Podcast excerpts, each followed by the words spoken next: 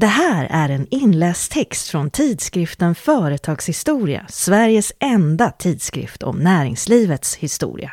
Texten finns även online på bistories.se. Mannen med batteriet Utvecklingen av effektiva och hållbara laddningsbara batterier är en teknologisk knäckfråga i dagens moderna samhälle. Att en viktig grund för detta teknikområde lades av en svensk uppfinnare vid 1800-talets slut är okänt för de flesta. En novemberdag år 1900 satt uppfinnaren Valdemar Jungner och hans hustru Hilda tillsammans med några journalister, ingenjörer och finansiärer på Hotell Anglais vid Stureplan i Stockholm. De räknade varv efter varv som presterades av en eldriven bil utrustad med ett silverkadmiumbatteri som Valdemar Jungner konstruerat. Mycket stod på spel. Jungner hade i åratal ägnat all sin tid och alla de pengar han förmått låna ihop till sina experiment. Målet var att skapa en ny form av batterier som skulle revolutionera elektrotekniken. Försöket blev en triumf. Bilen körde sträckan Karlavägen, Narvavägen, Strandvägen, Birger Jarlsgatan och Sturegatan i inte mindre än 12 timmar. En sträcka på 148,5 kilometer. Dåtidens elbilar med blyackumulatorer kunde på sin höjd räkna med 30-40 kilometer på en laddning. Uppfinnardrömmen Batterier hade funnits sedan 1800-talets början och på 1850-talet hade fransmannen Gaston Planté utvecklat ett laddningsbart batteri, eller ackumulator, som fått stor spridning. Plantés ackumulator hade två blyplattor som elektroder nedsänkta i en elektrolyt bestående av svavelsyra, det vill säga samma princip som hos dagens konventionella bilbatterier. Blyackumulatorn var förhållandevis billig och gav relativt hög ström under kort tid. Men den var ömtålig, opolitlig och underhållskrävande.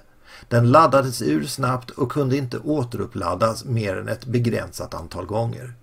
Den som konstruerade ett laddningsbart batteri som var effektivare och billigare borde ha obegränsade avsättningsmöjligheter. Vid 1800-talets slut var Sverige på väg att bli ett industriland. Ingenjörsyrket representerade framtiden och uppfinnare som Christopher Polhem, John Ericsson och Gustav de Laval var den nya tidens hjältar. En som sedan barnsben drömt om att själv bli uppfinnare var prästsonen Valdemar Jungner, född 1869 i Vilske Kleva norr om Falköping. Efter studier i Uppsala och vid KTH påbörjade han i liten skala och utan nämnvärd ekonomisk backning en egen uppfinnarverksamhet. Det problem som framförallt fängslade Jungner var just det laddningsbara batteriet. Frågan var i högsta grad aktuell. Övergången från ångkraft till elektricitet var just inledd men det fanns inte några effektiva möjligheter till lagring av den elektriska kraften. Industrin var i desperat behov av ackumulatorer, järnvägar och sjöfart likaså. Inte minst den senaste nymodigheten inom kommunikation, automobilen, förväntades helt övergå till elektrisk drift, bara ackumulatorerna kunde bli effektivare och billigare. Jungners idé var radikal. Byt ut bly och svavelsyra mot andra metaller och en elektrolytvätska som är basisk och inte sur. Då skulle batterierna hålla längre och bli driftsäkrare. Om elektroderna infogades i tunna perforerade plattor skulle de komma i maximal kontakt med elektrolytvätskan och då skulle batterierna dessutom bli effektivare. Frågan var bara vilka metaller som skulle ingå och vilken elektrolyt. Det batteri som år 1900 hade slagit världsrekord för elbilar på Stockholms gator var av hög kvalitet men med råvaror som silver och kadmium var det dyrt.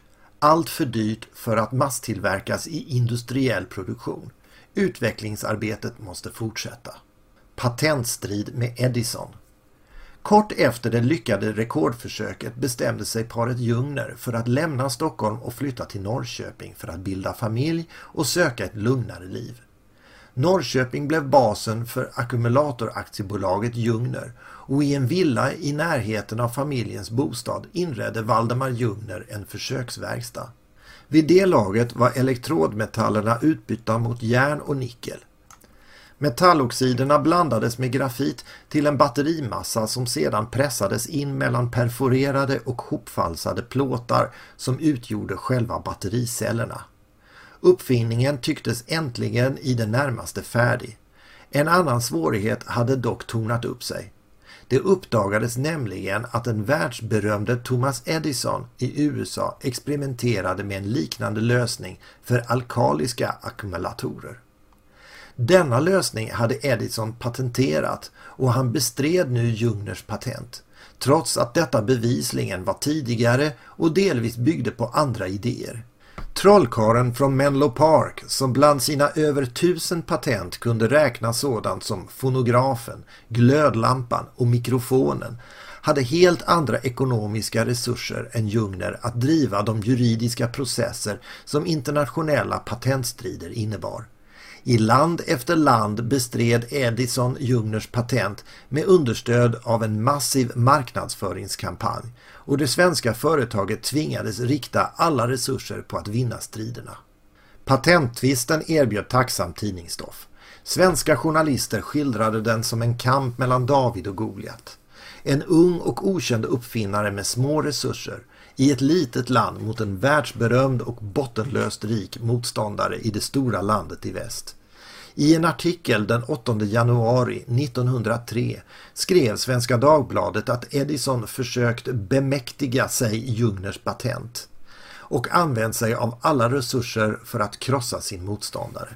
Ackumulatoraktiebolaget Jungner kunde likväl räkna in delsegrar i patentkriget under åren fram till 1905 men i april det året utbröt en våldsam eld i Ackumulatoraktiebolagets fabriksvilla orsakad av en exploderande fotogenlampa. Byggnaden totalförstördes och likaså bolagets omskrivna elektromobil. Olyckan innebar i praktiken slutet för Ackumulatoraktiebolaget Jungner. Valdemar Jungner avsade sig så gott som alla anspråk i företaget inklusive patenträttigheterna till sina uppfinningar. Familjens ekonomi var i spillror och Jungners hälsa var bruten. Men det faktum att han gav upp ackumulatorn innebar inte att han slutade som uppfinnare. I bostadshuset hade han inrett ett litet laboratorium och där ägnade han sig åt andra problem och idéer till nya uppfinningar. Jungners till Småland och världen.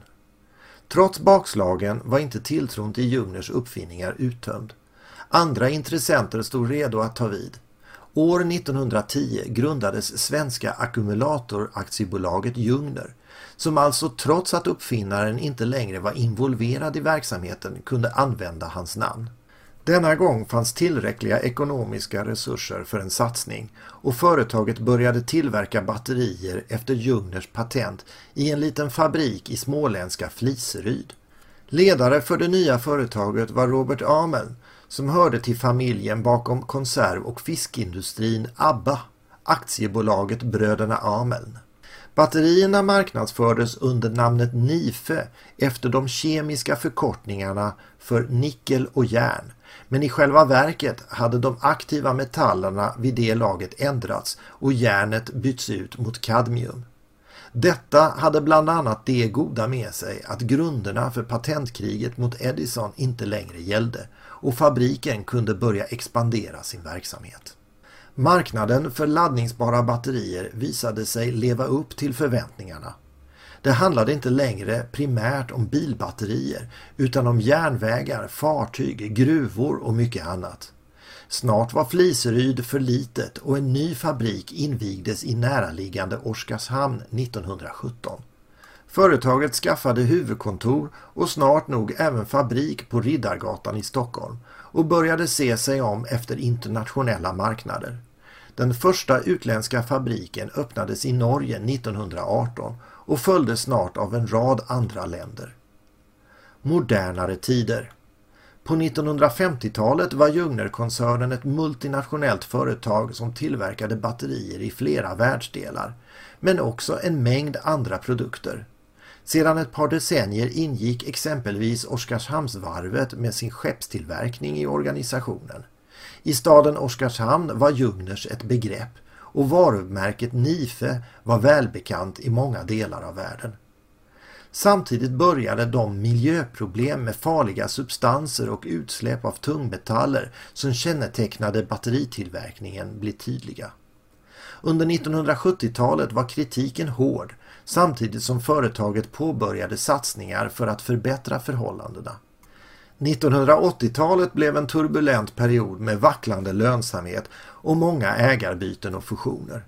I september 1990 tillkännagav tidningarna att investmentbolaget AB Cardo, som vid den tidpunkten var ägare till företaget, skulle sälja Jungners, då AB Nife, till den franska batterikonkurrenten Saft Group.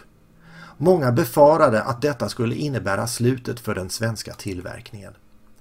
Under snart tre decennier med fransk ledning hade dock fabriken i Oskarshamn snarare befäst sin ställning.